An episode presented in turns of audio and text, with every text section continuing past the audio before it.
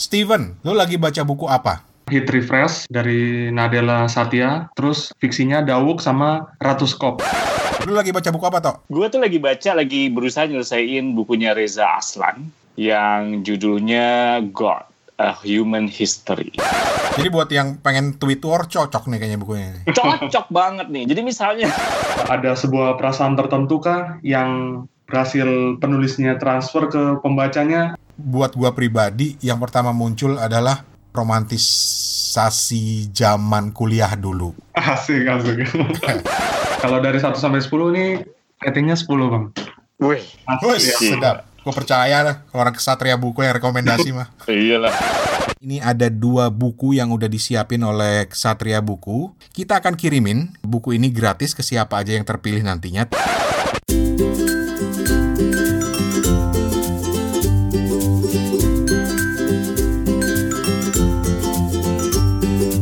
Guys, apa kabar? Assalamualaikum Kap, Sawadikap, apa kabar? Makasih banget udah download atau streaming Suarane Podcast dan ini edisi spesial karena hari ini gua akan kenalin satu segmen baru yang melulu akan ngajak lu ngobrolin soal buku dan ini gua sebut dengan segmen Kepo Buku atau KB. Lebih spesial lagi karena segmen Kepo Buku ini juga disponsorin sama KB juga, yaitu Ksatria Buku. Sebuah toko buku online yang koleksi bukunya keren-keren dan harganya juga bersaing. Lo orang boleh cek toko sebelah kalau nggak percaya.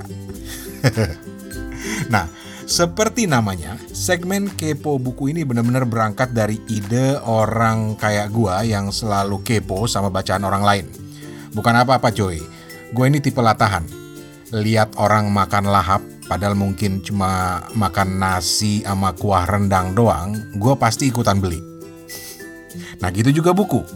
Gue lebih mending kepoin temen buat nyari tahu dia lagi asik baca buku apa, ketimbang gue ke toko buku dan keliling di bagian yang ditulis gede-gede, di atasnya ada tulisan bestseller, buku paling laris saat ini, atau buku paling keren tahun 2018, dan lain sebagainya kayak gitulah.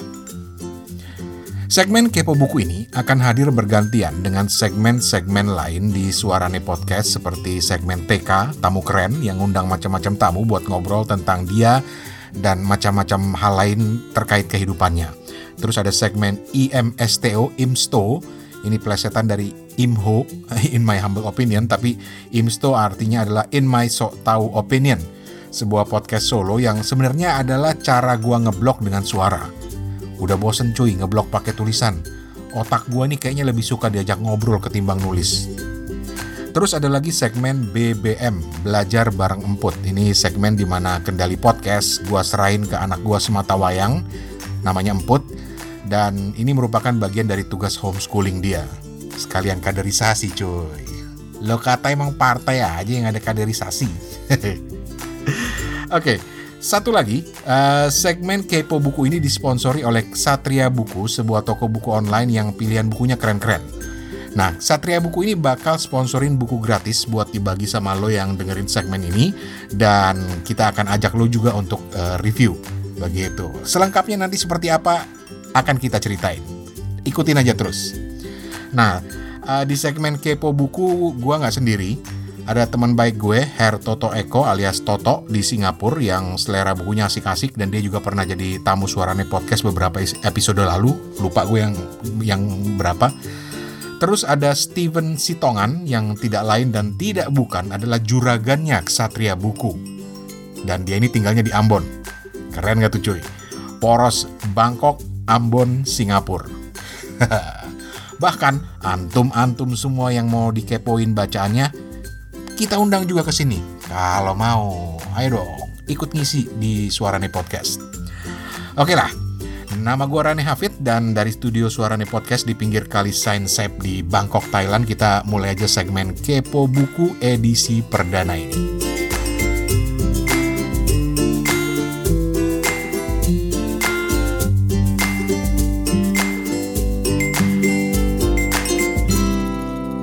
Oke, segmen Kepo Buku kali ini terdiri dari dua bagian utama. Bagian pertama itu kita bertiga, yaitu gue, Rane, Steven, dan Toto. Masing-masing bakal cerita singkat tentang buku-buku apa aja yang pernah atau sedang dia baca. Terus di bagian kedua nanti kita masing-masing akan ngobrolin lebih jauh tentang satu buku yang asik banget buat kita. Oh ya, semua judul bukunya bakal gue list di website suarane.org buat yang tertarik pengen nyari. Lebih keren lagi kalau lu cari aja di Ksatria Buku. Ada cuy di situ cuy, pasti ada. Bisa kirim langsung ke rumah juga cuy. Oke lah, kita mulai aja dengan pertanyaan paling standar di segmen Kepo Buku. Cuy, lu lagi baca buku apa? Kita ke Ambon dulu deh. Steven, lu lagi baca buku apa? Lagi baca dua buku. Pertama Hit Refresh masih kayak yang kemarin dari Nadella Satya sama yang satu lagi The Mixer Michael Cox buku tentang bola. Oke, cerita dikit aja itu buku tentang apa sih? Ya, Satya Nadella kan baru jadi CEO Microsoft di 2014. Nah, dia pengen ngasih tahu gimana perkembangan Microsoft setelah dia mau rebuild dan gimana pandangan dia tentang berbagai macam isu muktahir di soal teknologi informasi, AI, segala macam. Oke. Terus yang keduanya? The Mixer, Michael Cox. Ini semacam pewahyuan gimana Liga Premier League Inggris ini bisa jadi juara, istilahnya juara dalam tanda kutip, juara industri sepak bola modern lah. Gimana setelah tahun 92, revolusi sepak bola Inggris itu benar-benar secara kontinu menjadi sebuah industri yang sangat digemari di seluruh dunia. Oke, okay. nanti kita akan ulas lebih dalam lagi. Terus kalau dirunut ke belakang selama satu tahun terakhir ini, buku apa yang paling berkesan buat Steven di tahun 2017 ini? Panama Papers, buku non fiksi. Uh mhm. -huh. Terus ada fiksinya Dawuk sama Ratu Skop. Oke. Okay. Panama Papers kita tahu lah itu salah satu skan apa mengungkap skandal terbesar yang bikin orang di Indonesia aja pada gerah gitu. Terus yang kedua Dawuk ini kar tulisannya bukunya siapa? Dawuk nih punya Mahfud Ihwan. Mahfud Ihwan. Uh, Dawuk ini benar-benar storytelling yang benar-benar pamungkas gitu dari penulis lokal yang bisa dibilang sastra Indonesia yang paling ajib lah kalau dibaca gitu aku bikin reviewnya kayak gini. Dawok ini, ini seperti gelumpalan cerita yang akan menarik sukmamu ke dalam dunia rekaan si penulis. Dan kebetulan dia juga menang di penghargaan sastra nasional Kusala Sastra Katulistiwa untuk kategori fiksi di tahun 2017 kemarin. Oke, yang selanjutnya tadi? Ratuskop. Ratuskop ini ditulis sama Iksaka Banu Iksakabano kan terkenal dengan uh, genre kolonialnya. Nah, dia pengen nunjukin kalau Iksakabano ini juga bisa nulis cerpen-cerpen yang bertemakan noir, cerita-cerita noir gitu. Dan aku rasa ini adalah buku cerpen yang ngasih tahu nih Iksakabano dengan kepenulisan yang uh, dia punya tuh lagi masa-masa hebatnya dia nulis cerita-cerita ini di majalah Matra, Femina, sama Koran Tempo cerita ceritanya tuh kalau di blurbnya itu memang betul imajinatif, absurd, dan sesekali berbau fiksi sains dengan latar kehidupan urban yang kuat. Dan memang kekuatan Mas Iksa Kabano memang sangat-sangat menonjol di cerpen-cerpen yang dia tulis ini. Oke. Okay. Kalau Panama Papers, saya malah tertarik. Kenapa Stephen ya. tertarik dengan Panama Papers? Setiap orang pasti punya sudut pandang masing-masing. Kalau dari Stephen sendiri apa? Kalau di Panama Papers, aku pengen tahu gimana di balik layar kerja sama jurnalis yang uh, benar-benar menggebrak dunia perbankan gitu. Uh, yang pengen aku tahu dari Panama Papers ataupun yang benar-benar interesting menurutku itu gimana sih perjuangan jurnalis untuk yaitu menegakkan uh, fungsi-fungsi jurnalisme yang udah semakin luntur ya uh, jadi ini jadi penjaga kebenaran gitu. Oke, dari Ambon kita ke Singapura. Tok, lo lagi baca apa, Tok? Gue pokoknya orang yang gue tahu sering baca buku pasti selalu gue cerewetin. Lo lagi baca buku apa, Tok? Oke, gue lagi baca buku. Ini baru aja kemarin gue juga bingung. Um, kenapa gue ambil buku ini ya gitu ya? Pasti aneh. Gitu. Enggak, enggak aneh-aneh banget gitu. Jadi gue tuh lagi baca, lagi berusaha nyelesain bukunya Reza Aslan yang judulnya God, A Human History. Jadi dia tuh ternyata gue nggak pernah tahu dia sebelumnya ya. Jadi dia tuh yang ngarang uh, apa sih Zelep juga, terus ada No God But God, right? Ya. Yang dia tuh mengulas tentang Muslim yang saat ini, bagaimana orang punya miskonsepsi yang salah tentang Islam misalnya kayak gitu ya. Jadi gue nggak pernah gitu, karena topik-topik seperti ini biasanya gue lewatin gitu. Nah jadi gue lagi menyelesaikan itu saat ini udah hampir udah hampir selesai dan bukunya lumayan tebel tapi ternyata separuhnya sendiri itu adalah catatan kakinya dia. Buku ini menarik nih, gue bilang menarik nih. Di catatan kakinya aja gue belum selesai nih. Jadi gue belum selesai catatan kakinya. Bukunya udah selesai catatan kakinya belum gitu. Oke. Itu yang pertama itu. Terus belak eh, belakangan ini yang baru aja hampir selesai juga. Gue tuh baca buku kadang-kadang loncat-loncat ya. Jadi bisa jadi ada buku yang tiga per 4 gue baca, ada yang cuma seperempat, ada yang ini.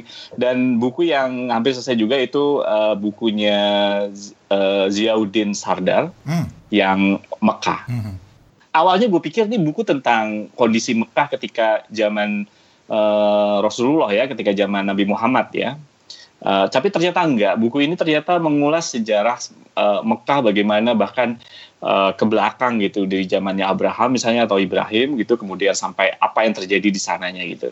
Eh, uniknya adalah pengalaman kenapa gue ambil buku ini itu sebenarnya bukan bukan ini bukan buku pertama yang akan gue ambil waktu itu. Buku ini ber- bersandar atau jejeran gitu sama bukunya eh, tentang Yerusalem Hmm. bi- eh, biografi. Gak tahu Stephen apa Rani mungkin inget ya siapa pengarangnya gitu. Tapi ini somehow kok ada Mekah ya? Gua ambil yang Mekah dulu deh gitu. Hmm. ya, jadi ini. Dan at, gua saat ini lagi ngabisin dua buku itu. Sisanya banyak buku lain yang gue baca, tapi mungkin terlalu teknikal lah, kayak buku bisnis segala macem. Tapi kalau ngerunut ke belakang ke tahun selama tahun 2017 selain dua buku itu buku apa lagi yang begitu gue bilang 2017 lu langsung ingat buku apa? Worth sharing menurut gua dan Niki uh, bakal gua sharing adalah bukunya Michael Whitty ya. Michael Whitty, W-I-T-H-E-Y. Mastering Logical Fallacies. Sedap. buku ini tuh sederhana banget gitu. Awal-awal gue tuh kalau datang ke toko buku ya, gue tuh nggak pernah melihat ke misalnya bagian bestseller atau highlight gitu ya kalau di toko buku di Singapura gitu ya. Gue cuma ngiderin aja. Jadi jadi kalau lu melihat eh, kebiasaan gue masuk ke toko buku hampir setiap minggu adalah gue ngiderin semua. Jadi hampir semua ngiderin dari mulai cara membuat novel atau menulis novel sampai ke buku masakan juga gue ngiderin gitu. Serius gitu. Jadi kadang-kadang minggu ini mungkin gue ngambil buku bisnis, dari minggu depan gue ngambil Conan gitu, minggu depannya lagi mungkin ambil. Nah, kenapa gue menurut gue paling berkesan? Karena ini tuh jawaban dari dari bagaimana kita menjawab argumen orang gitu nih. Kita kadang-kadang suka ngomong ya, em, eh, koreksi if I'm wrong ya. Eh, gimana ngomong ah ini orang ngasih argumen ini pasti eh, counter argumennya eh, ad hominem bener kan Mhm. kayak gitu. Tapi apa sih itu? Gitu kita nggak pernah tahu kan gitu kan. Terus eh, orang bilang lu counter argumennya salah. Ternyata buku ini nanti kita bakal bahas mungkin ya lebih dalam. Mhm.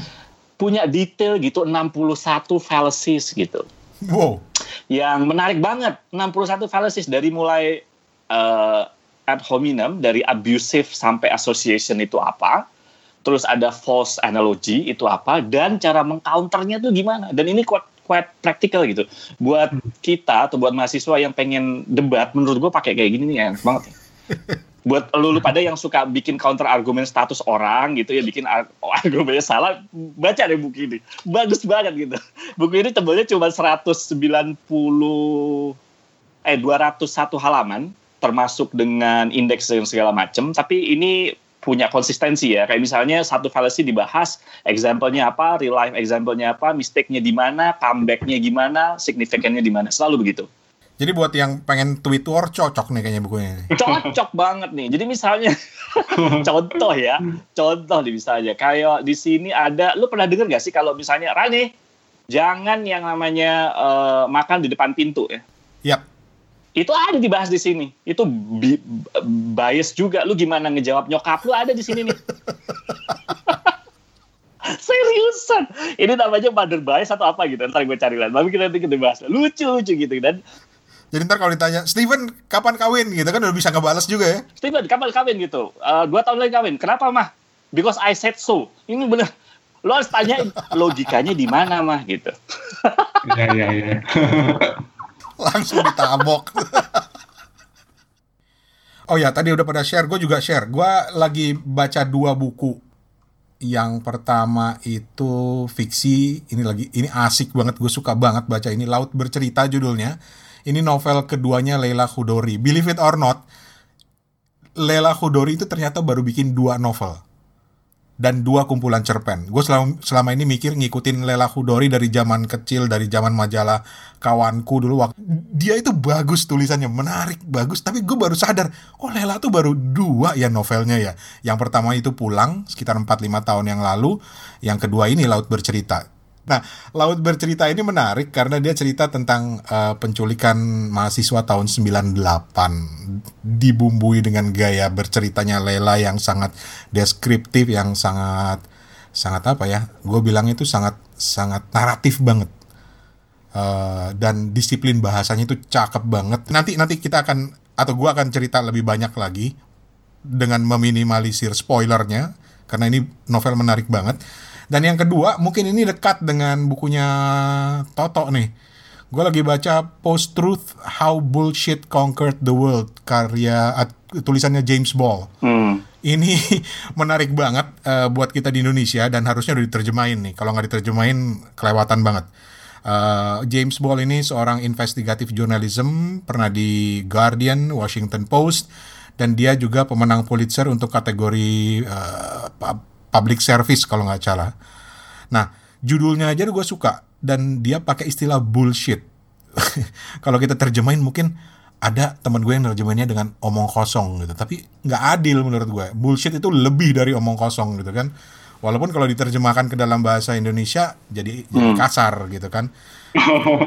Terus didasarkan pada dua peristiwa. Jadi buku ini didasarkan pada dua peristiwa yaitu pemilu presiden Amerika yang dimenangkan oleh uh, Donald Trump dan Brexit keluarnya Inggris dari Uni Eropa. Oh, iya. Nah, bullshit ini bukan hoax gitu loh kalau kata si James Ball. Uh, ini lebih bahaya karena orang yang bullshit itu, orang yang nyebar informasi yang bullshit itu sebenarnya tahu itu nggak benar, tapi bukan itu tujuannya. Tujuannya adalah mereka ingin mencapai sesuatu, ingin mempengaruhi agar orang lain percaya pada mereka. Nah, gue belum selesai baca, tapi ini bakal menarik. Uh, insya Allah nanti di episode berikutnya gue akan coba uh, ulas. Kalau nggak salah, Steven juga uh, ada buku ini ya. Iya. Ya. Oke, itu itu dua buku yang lagi gue baca. Yang satu lagi sebenarnya bukunya Reza Aslan. Uh, hmm. Tapi seperti Toto, gue tuh suka berhenti berhenti baca buku Reza Aslan. Gue lagi berhenti dulu uh, karena gue lagi tertarik sama, terganggu sama Lela Hudori gitu. Oh, bukan tertarik bukan terganggu sama bullshit yang tadi. Karena kalau dia bilang ini bukan hoax, dia bilang bullshit, sekarang Indonesia udah nemuin. Jadi ini hoax yang membangun ini. itu tuh. Jadi nggak apa-apa lu ngasih berita asal membangun. Hoax yang membangun itu bullshit menurutku. Tapi jadi kira-kira nanti harus harus kasih ini nih, harus kasih uh, bagaimana cara pemerintah untuk menangkal bullshit. Ada di tuh. Solusi yang dikasih sama James Ball di babak conclusionnya. Wes, udah selesai baca. Ada tuh ya. Untuk pemerintah, untuk media, untuk pembaca juga. Wah, cakep. Kalau untuk ini uh, apa yang membangun nggak ada ya yang membangun ya? Oh, yang membangun belum belum. 2018. Ya, selanjutnya kita bakal ngobrol lebih dalam tentang satu buku favorit kita masing-masing yang lagi dibaca atau udah kita baca. Tapi sebelumnya pesan sponsor dulu. Segmen Kepo Buku di Suarane Podcast ini disponsori oleh Ksatria Buku. K-S-A-T-R-I-A Buku. Sebuah toko buku online yang lain dari yang lain. Gue bilangnya begitu. Soalnya yang punya si Steven ini orangnya gila buku dan pilihan buku-buku yang dijual juga keren-keren. Termasuk juga buku-buku koleksi Steven sendiri yang setelah dia baca, beberapa dia jual dengan harga yang asik punya deh. Karena dia percaya buku itu harus bermanfaat buat orang lain. Buku untuk semua gitu kata eh, apa slogannya Satria Buku. Cari aja. Satria Buku ada di Instagram, di Facebook juga ada, dan jualannya juga ada di Tokopedia dengan nama akun yang sama, Satria Buku. Dan jangan lupa Satria Buku nanti akan bagi buku seperti apa bukunya dan gimana cara dapetinnya. Ikutin terus podcast ini. Ya, sekarang kita lanjut lagi. Kali ini Toto akan mulai dengan buku pilihannya yang menurut gue pas banget dengan kondisi sekarang. Judul bukunya Mastering Logical Fallacies, The Definitive Guide to Flawless Rhetoric and Bulletproof Logic, karya Michael Whitty.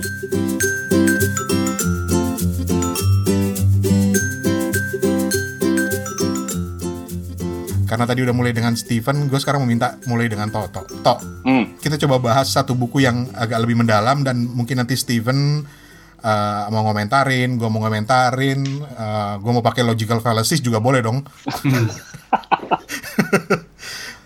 buku apa toh?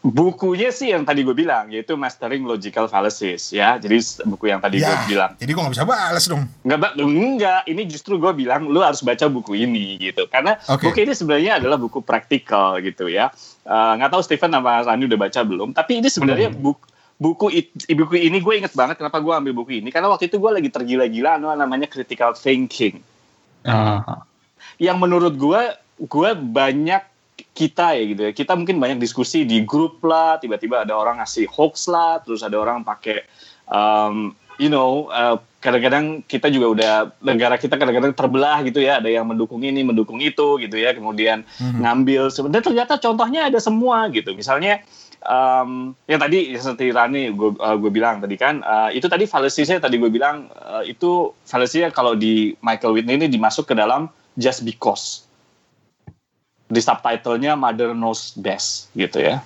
Jadi pokoknya pokoknya gue ngomong begitu gitu. Jadi di sini buku ini kenapa praktikal karena selalu ada fallacies-nya apa, example-nya apa, real real real life example-nya apa gitu.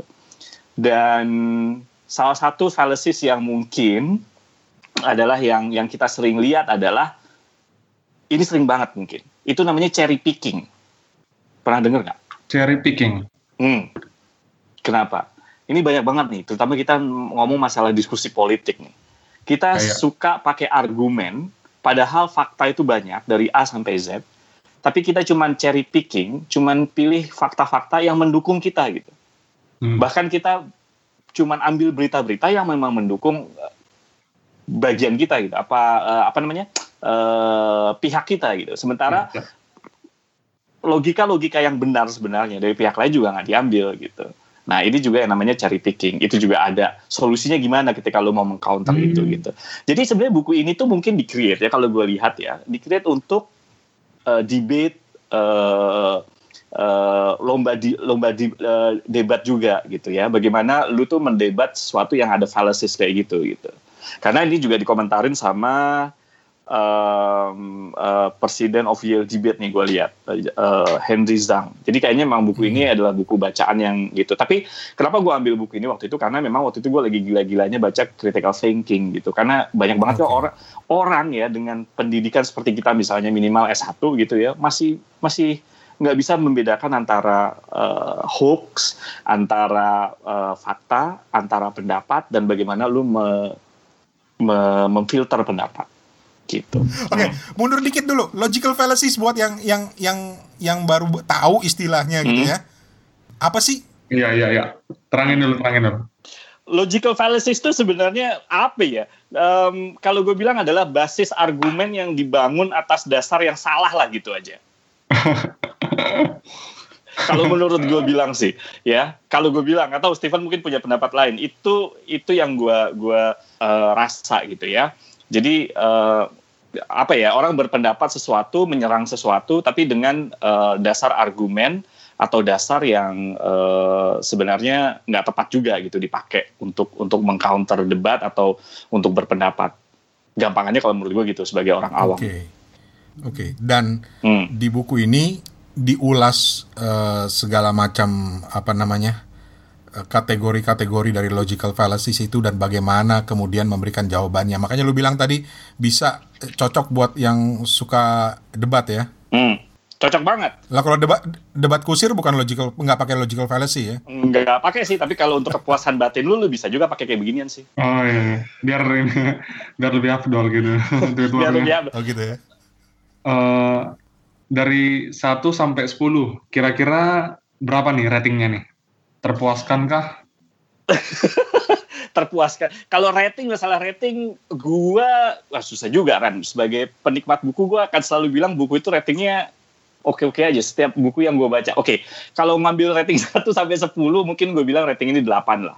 Karena gini, mungkin uh, buat gue buku ini praktikal banget makanya gue kasih rating 8. Ini menjawab minimal menjawab pertanyaan cepat gue, gimana sih ngebales itu orang-orang gitu yang punya argumen uh, seperti itu dan apa sih cure-nya gitu, apa sih counter argumennya misalnya kayak gitu. Di mana sih fallacies-nya kayak gitu aja sih sebenarnya.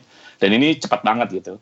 Lu nggak perlu bertebel-tebel misalnya lu mungkin pernah baca yang namanya buku Critical Thinking for Dummies itu juga tebel banyak teksnya. Nah kalau ini uh, ibarat ini paracetamolnya kalau lu mau cepet gitu ya, cepet mm. uh, cepet uh, ngelihat fallacies orang di mana atau um, uh, logical fallacies mereka di mana kayak gitu. Oke. Okay.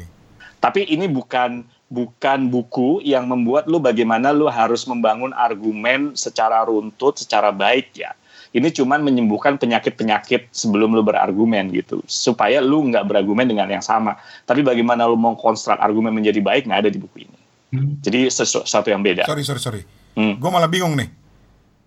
Karena yang dalam penafsiran gue justru buku ini mengajari lu untuk meng mengkonstruksikan uh, argumen lo. Enggak. Tapi menurut Karena enggak. menurut gue enggak. Contoh ya, misalnya di sini ada argumen namanya uh, sorry legal fallacies yang tadi gue sebut ya, uh, ad hominem misalnya kayak gitu kan. Um, dia itu bilang bahwa kalau misalnya ada orang bilang, misalnya gue bilang um, ngerokok itu jelek gitu ya, gitu kan. Hmm. Terus lu counter gue, ya tapi kan lu ngerokok toh gitu misalnya kayak gitu. Berarti argumen lu tuh salah. Padahal kan itu hmm. salah ya gitu kan. Rokok tetap jelek. Sorry ya buat yang ngerokok ya ini contoh aja gitu.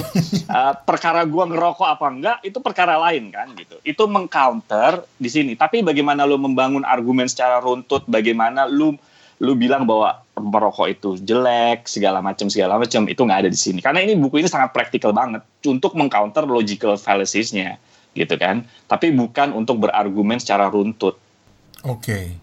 Secara tepat gitu oke okay. ya contoh tadi gue bilang bahwa mothers knows the best gitu ya yang ada di seperti ini adalah biasanya orang-orang yang seperti because I said so biasanya mereka adalah punya uh, otoritatif kan ya counter argumennya adalah lu bilang pelan-pelan kenapa argumennya seperti itu gitu. Jadi mengcounter orang berpendapat demikian gitu. Menanyakan kembali kenapa lu bilang I said so misalnya kayak gitu kan. Uh, kenapa ada apa di balik itu? Seperti itu sih sebenarnya. Tapi bukan berarti ketika lu mau berargumen lu jadi bagaimana bikin yang namanya base argumen lu seperti apa, kemudian bagaimana menyusun faktanya nggak seperti itu gitu. Oke. Okay. Ini bukunya juga masih terhitung baru Bang Rana. 21 Juni 2016. Jadi masih fresh, masih fresh banget. Fresh from the oven. Kayaknya gue perlu nih. Iya, iya, iya. Buat melawan hoax membangun. melawan. Uh, dipaduin sama ini bukunya Bang Rane yang tadi itu. Klopda. Po post truth ya? Uh, post truth. Oke. Okay. Kelihatan sekali uh, di masuk 2018 ini musuh utama kita adalah uh, post truth, hoax dan uh, logika yang ngaco gitu. Jadi mungkin bu kedua buku ini akan membantu teman-teman gitu kan.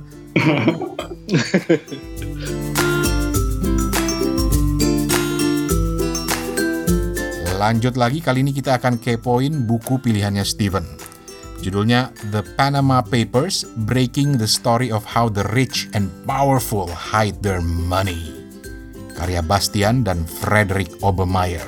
Dua kakak beradik yang berada di balik Panama Papers yang bikin banyak orang kaya di dunia termasuk di Indonesia kelojotan kayak lintah ditaburin garam, kayak cacing lagi dipelototin sama ayam, kayak kucing lagi kesiram air, kayak Ah ya, you know lah what I mean.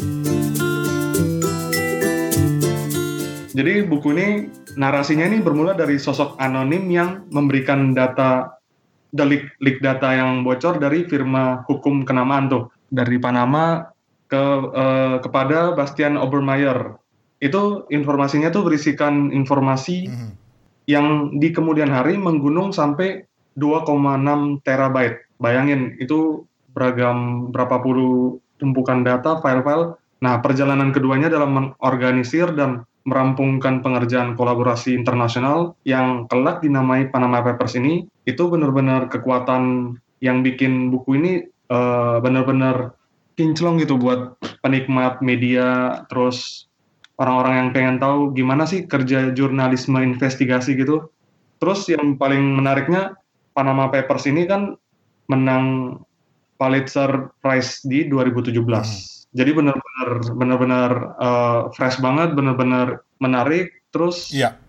baca buku ini tuh kayak ini aja, kayak lagi masuk di sebuah novel yang menegangkan. Tapi bukan novel karena ini adalah kejadian yang real terjadi di dunia kita sehari-hari karena firma-firma hukum tersebut ya dibuat, diakses oleh beberapa kalangan tertentu yang memang punya power, punya kepentingan untuk menyembunyikan aset-aset mereka dari tangan-tangan pihak yang berwenang.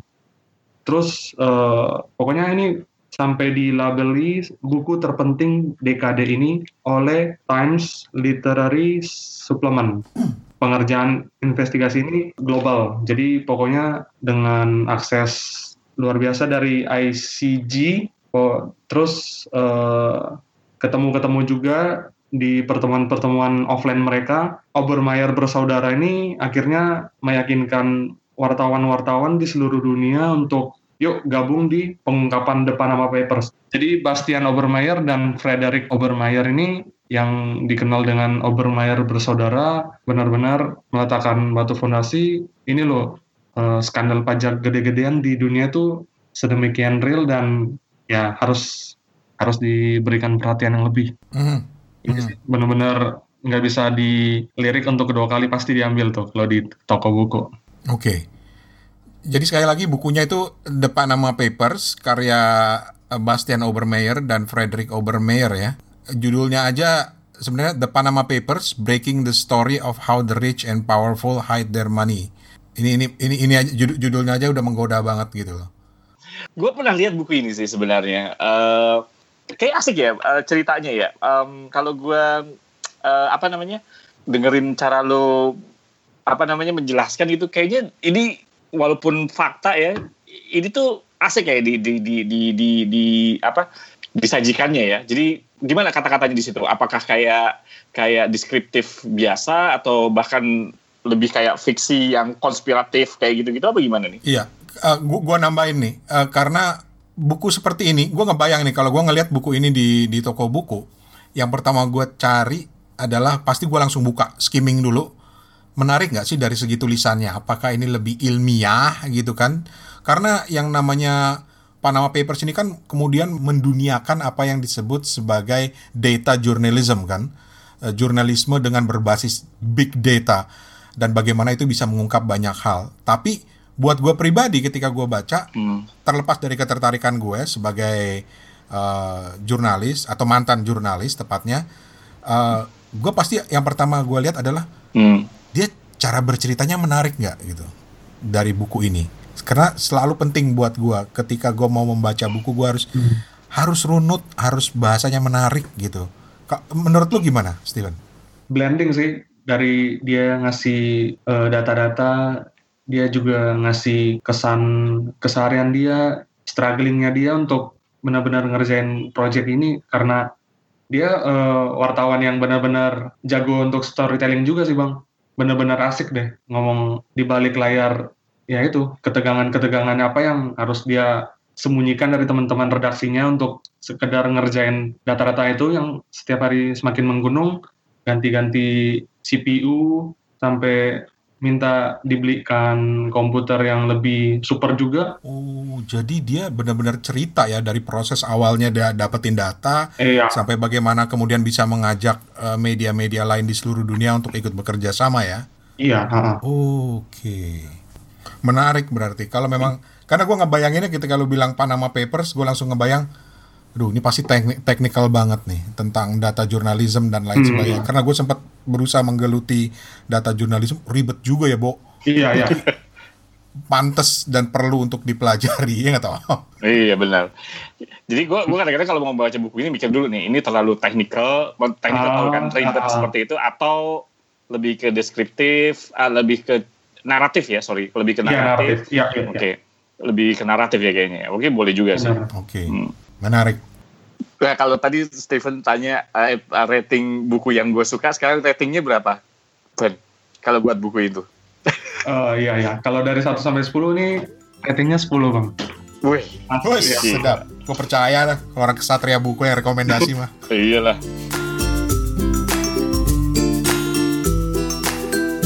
Dan terakhir, ini buku rekomendasi dari gue. Sebuah novel terbaru karya penulis yang gue kagumin banget. Mbak Lela S. Hudori, judulnya Laut Bercerita. Masih fresh from the oven cuy, belum lama dirilis.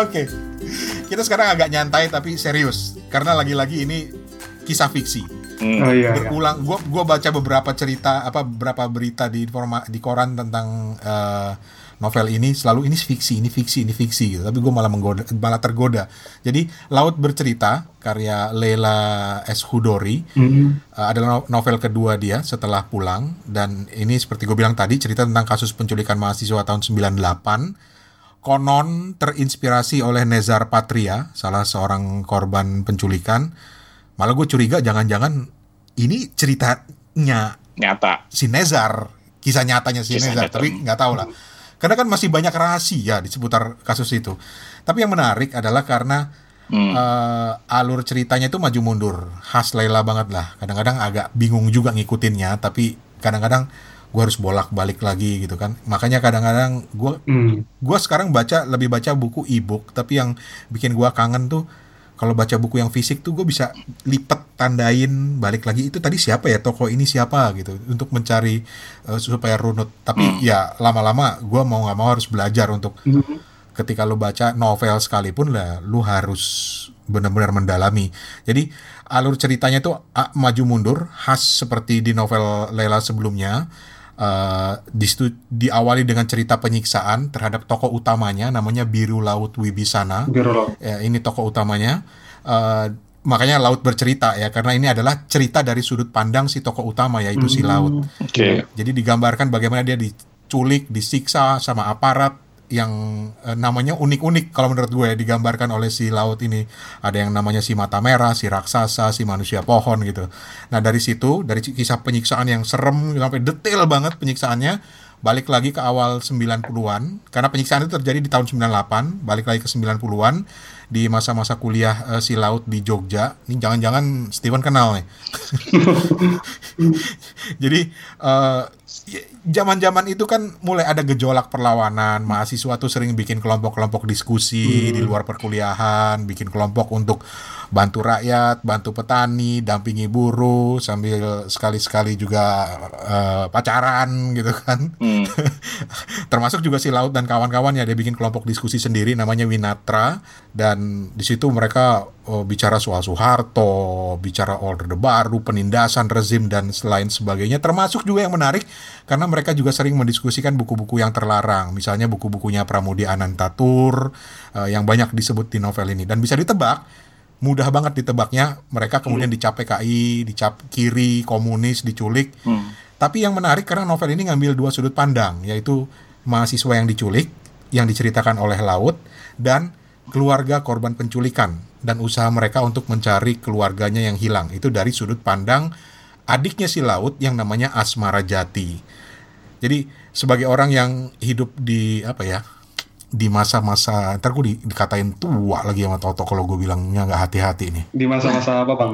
Waktu membangun. gue soalnya Toto pasti udah siap nyamber nih. Tapi oke. Ya gue mana, gue gue gue mana berani sama orang yang lebih senior. kan? Itu kan itu kata kuncinya. Tapi oke sebagai orang yang hidup di masa-masa itu ya di masa-masa tahun 90-an 9 sampai 98 gue penasaran banget sama novel ini karena Hmm. gue nggak pernah dapat jawaban pasti Hmm. itu para mahasiswa yang diculik atau para aktivis itu dibawa ke mana diapain itu nggak pernah jawaban pasti Iya. walaupun ini fiksi tapi paling nggak itu memuaskan kekepoan gue Hmm. gitu loh kurang lebih itu Eh, apalagi si Lela bilang kan ini terinspirasi oleh Nezar Patria Iya. bedanya kalau si Laut ini mahasiswa sastra Inggris Nezar itu mahasiswa filsafat U- UGM Hmm. gitu jadi ya karena masalahnya gue dulu ngalamin sedikit banyak lah. Walaupun nggak segila mereka nongkrong ikut-ikutan nongkrong, diskusi gitu kan, wah belajar mana nandain mana yang intel, mana yang bukan gitu kan.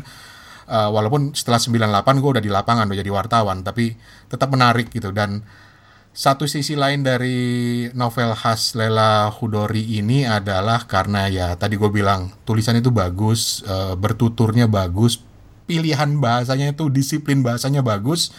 Uh, yang menarik juga karena tokoh utamanya si Biru Laut Wibisana ini sebenarnya bukan tokoh penting dalam pergerakan mahasiswa. Yang penting itu malah teman-temannya. Tapi kenapa dilihat dari sudut pandang dia yang yang nggak terlalu penting? Itu menarik. Uh, terus juga karena mengcover dari sudut pandang keluarga korban penculikan dan bagaimana mereka berusaha mencari uh, saudara-saudaranya yang hilang gitu. Satu hal lagi yang selalu gue suka dari novelnya Lela ini adalah dia tuh jago banget ya bikin nama ya gue rasa gue dulu kalau bikin novel gitu ya gue pernah nyoba-nyoba bikin novel gue selalu mencari nama tokoh gue itu gue selalu cari di internet hmm. oh seribu satu nama bayi gitu gitu ya? Gitu. untuk untuk namain tokoh gue gitu. Sementara si hmm. Lela tuh nih ya nama-nama tokohnya keren. Biru laut wibisana aja udah keren banget buat gue nama namanya itu hmm. gitu ya. Hmm, itu bisa menginspirasi lu tok kalau nanti uh, mau bikin anak atau Steven juga. Terus uh, adiknya Asmara Jati. Itu keren banget tuh istilahnya. Terus kemudian nanti ada pacarnya si biru laut uh, namanya Anjani Terus tokoh uh, pemimpin di pergerakan itu seorang cewek. Ini menarik juga pilihan cewek sebagai tokoh pergerakan dan pemimpin pula. Namanya Kasih Kinanti gitu. Hmm. Menarik gitu loh. Gue suka gitu. Lela tuh jago banget nama-namain orang. Kalau dia punya anak satu lusin, gue rasa anaknya selusin juga keren-keren. Bahkan anaknya Lela yang sekarang juga jadi cerpenis dan gue penasaran banget hmm. baca cerpenis itu namanya juga keren. Hmm. Yeah. Ada yang pernah tahu nggak nama anaknya Lela? Rain Kudori. Rain Hudori man. Wah, keren banget ya. Keren kan namanya kan? gitu. Jadi kurang lebih gitulah. Tapi lah, dulu dulu inget gak waktu pas kita pertama kali diskusi uh, novelnya Leila yang pulang kan? Aha. Komentar lu kan cuma satu, anjit gitu ya. Gila nih orang kalau bikin novel detail banget gitu. Um, Aha. Uh, teliti banget gitu. Di sini juga masih sama gayanya dia. Detail gitu. Sangat detail banget. Sangat detail. Uh, itu mungkin karena pengaruh dia, background dia mungkin ya. Iya, ya, bisa jadi, bisa jadi. Walaupun tidak semua wartawan bisa membuat karya fiksi sehebat dia sih. Ya, gua angkat tangan toh. Mm. Salah satunya. Ngomong-ngomong satu lagi, satu lagi. Uh, Laut bercerita juga covernya juga kalau dilihat-lihat gimana bang? Oke, okay, kalau lihat covernya, mm. menurut gue manis dari segi warnanya. Jadi ada putihnya dominan, ada suasana di dalam laut yang warna-warni dominan biru segala macam. Cuma satu yang menyolok begitu gue lihat cover ini. Kalau gue yakin kalau gue jalan-jalan ke toko buku, gue lihat covernya pasti gue langsung tertarik karena apa? Dari semua keindahan suasana di bawah laut itu ada gambar kaki yang terantai nongol dari dalam pasir. langsung coba ini gila ini yang bikin Widi Widiatno uh, ilustrasi sampulnya. Tapi mungkin kalau dibanding kok covernya dia yang uh, novel pulang ya, nggak sevulgar, nggak nggak sedirect novel dia yang dulu ya, secara secara cover ya. Kalau cover pulang itu menurut gue lebih artistik. Cover Lela yang ini menurut gue justru ditujukan untuk menarik generasi-generasi sekarang mm. yang suka warna yang yang manis pastel. gitu, yang permen, bukan ya? gitu, ya? pastel, pastel gitu. ya. uh, uh, gitu. Walaupun begitu, wih dari jauh keren nih warnanya begitu dideketin. Lah ada kaki kena rantai gitu. terus satu lagi nih bang. Yang yang aku pengen tanyain uh, dari skornya 1 sampai 10 berapa? Terus pas baca buku ini after baca buku ini apakah uh, ada sebuah perasaan tertentu kah yang berhasil penulisnya transfer ke pembacanya? Gila pertanyaannya sadis banget. Oke dari skor dulu. Uh, gua kasih skor 9 deh Subjektif loh ini karena gue penggemar beratnya Lela Kudori. Seharusnya gue kasih 10, tapi gue kasih 9 karena menurut gue dari kelemahan Lela ya menurut gue pribadi ya adalah hmm. alurnya kadang-kadang suka membingungkan. Hmm. Jadi gue harus hmm. oh ini ini sekarang di periode yang mana ya? Oh yang ini yang mana ya? Ini jadi jadi suka bolak-balik.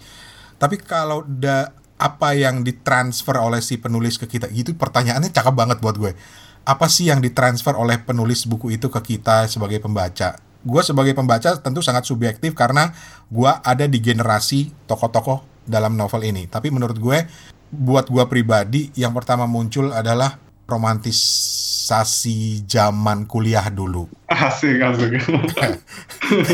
Karena gue bener-bener gue ngingetin zaman-zaman kuliah dulu. Gila yang namanya wah pakai jaket kampus datang membela rakyat yang lagi digusur di daerah Bendungan Hilir sana pas keluar terpaksa jaket harus diumpetin karena intel ada di mana-mana hal kayak gitu jadi gue seperti adrenalin gue dipompa lagi gitu loh Hmm. Oh. Gitu. bahwa wih gila seru banget padahal dulu dulu nggak kepikiran bahwa pulang tetap aja gue disuruh ke pasar sama nyokap belanja gitu kan padahal gue merasa udah menegakkan dunia gitu kan menegakkan kebenaran gitu sampai di rumah eh beli terasi pasar Hmm. ya it- itu kan gara-gara because I said so. because I said so.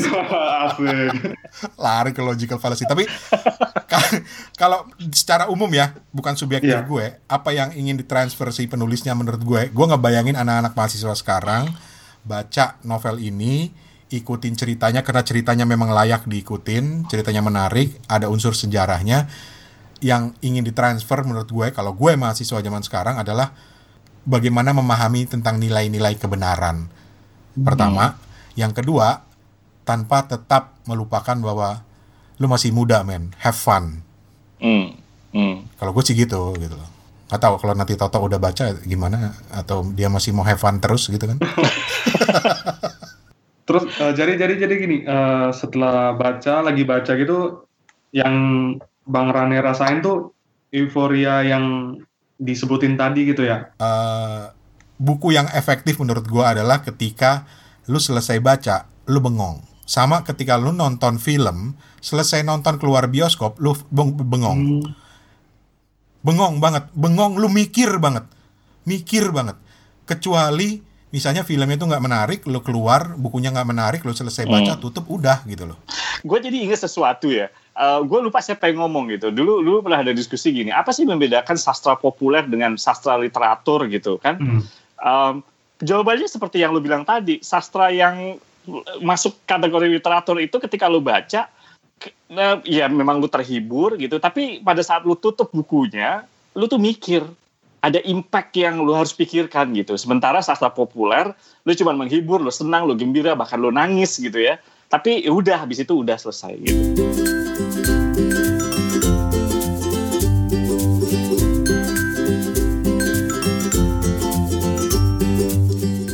Dan begitulah segmen Kepo Buku di Suarane Podcast ini bakal hadir selang-seling dengan segmen-segmen lain yang gue ceritain tadi.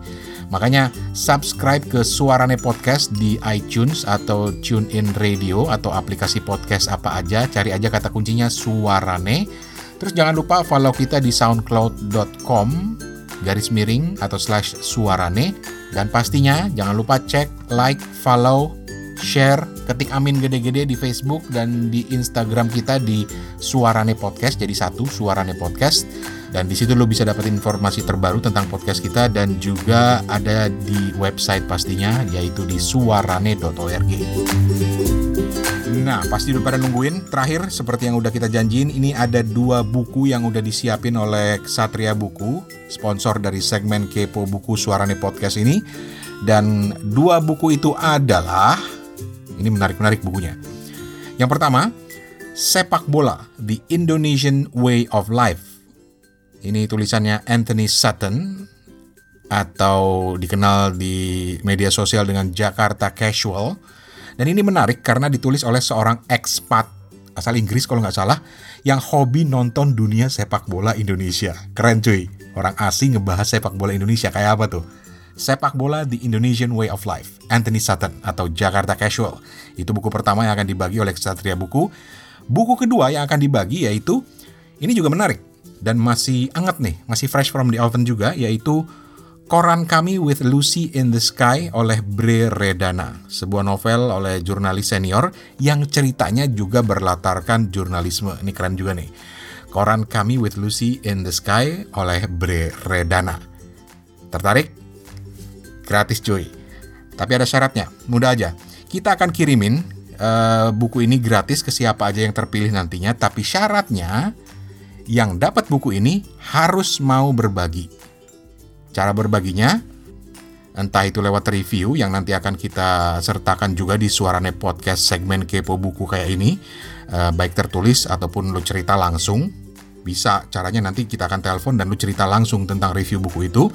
Atau lo setelah baca harus merelakan buku itu supaya bisa bermanfaat buat orang lain alias dikasih ke orang lain. Dan orang lain itu pada saat selesai juga harus kasih ke orang lain juga. Itu aja dua syaratnya. Karena gue tahu Kadang-kadang ada yang memilih untuk menyimpan bukunya, tapi kalau lo menyimpan bukunya, lo harus review. Gitulah kurang lebih. Masih tertarik? Email aja ke suarane@gmail.com, suarane@gmail.com dan tulis buku mana yang lo mau pilih, apa sepak bola The Indonesian Way of Life oleh Anthony Sutton atau Koran Kami with Lucy in the Sky oleh Bre Redana. Silakan pilih. Terus juga tulis lo mau review nantinya e, buat Suarane Podcast atau lu mau kasih ke orang lain setelah lu baca supaya bisa bermanfaat buat orang lain. Jangan lupa sertakan juga rekomendasi buku-buku bacaan menarik lu apa aja supaya bisa jadi bahan buat kita. Dan sekali lagi, emailnya adalah suarane@gmail.com. Suarane@gmail.com. Lu tulis aja subjeknya di situ, minta buku cuy. gitu ya. Kita akan undi nanti siapa yang bakal dapat bukunya dan nanti kita umumin di suarane.org dan juga di medsosnya Kesatria Buku. Jadi sekali lagi kita bakal undi. Jadi jangan lupa kirim ke suarane at gmail.com. Dan akhirnya thank you banget ditunggu masukannya. Kita terima kritik, komentar, saran, silaturahmi email aja ke suarane@gmail.com, suarane@gmail.com atau lewat Facebook dan uh, Instagram di Suarane Podcast atau ke suarane.org itu website kita suarane.org. Ini juga berlaku buat yang mau dapetin buku dari Kesatria Buku tadi ya. Kalau lupa tinggal rewind aja buat ngedengerin syaratnya. Thank you Toto, thank you Steven dan Satria Buku dan thank you banget pastinya buat lo, lo semua yang udah dengerin. You guys rock man. Dan kalau kalian dengerin ini di mobil, di angkot, di jalan mau ke sekolah atau kantor atau ke mana aja sambil dengerin podcast ini, mudah-mudahan kita berhasil nemenin dan hati-hati di jalan. Dari Bangkok, Thailand, gua Rani Hafid atas nama Steven di Ambon dan Toto di Singapura pamit. Kapun kap, makasih. Assalamualaikum, permisi ah.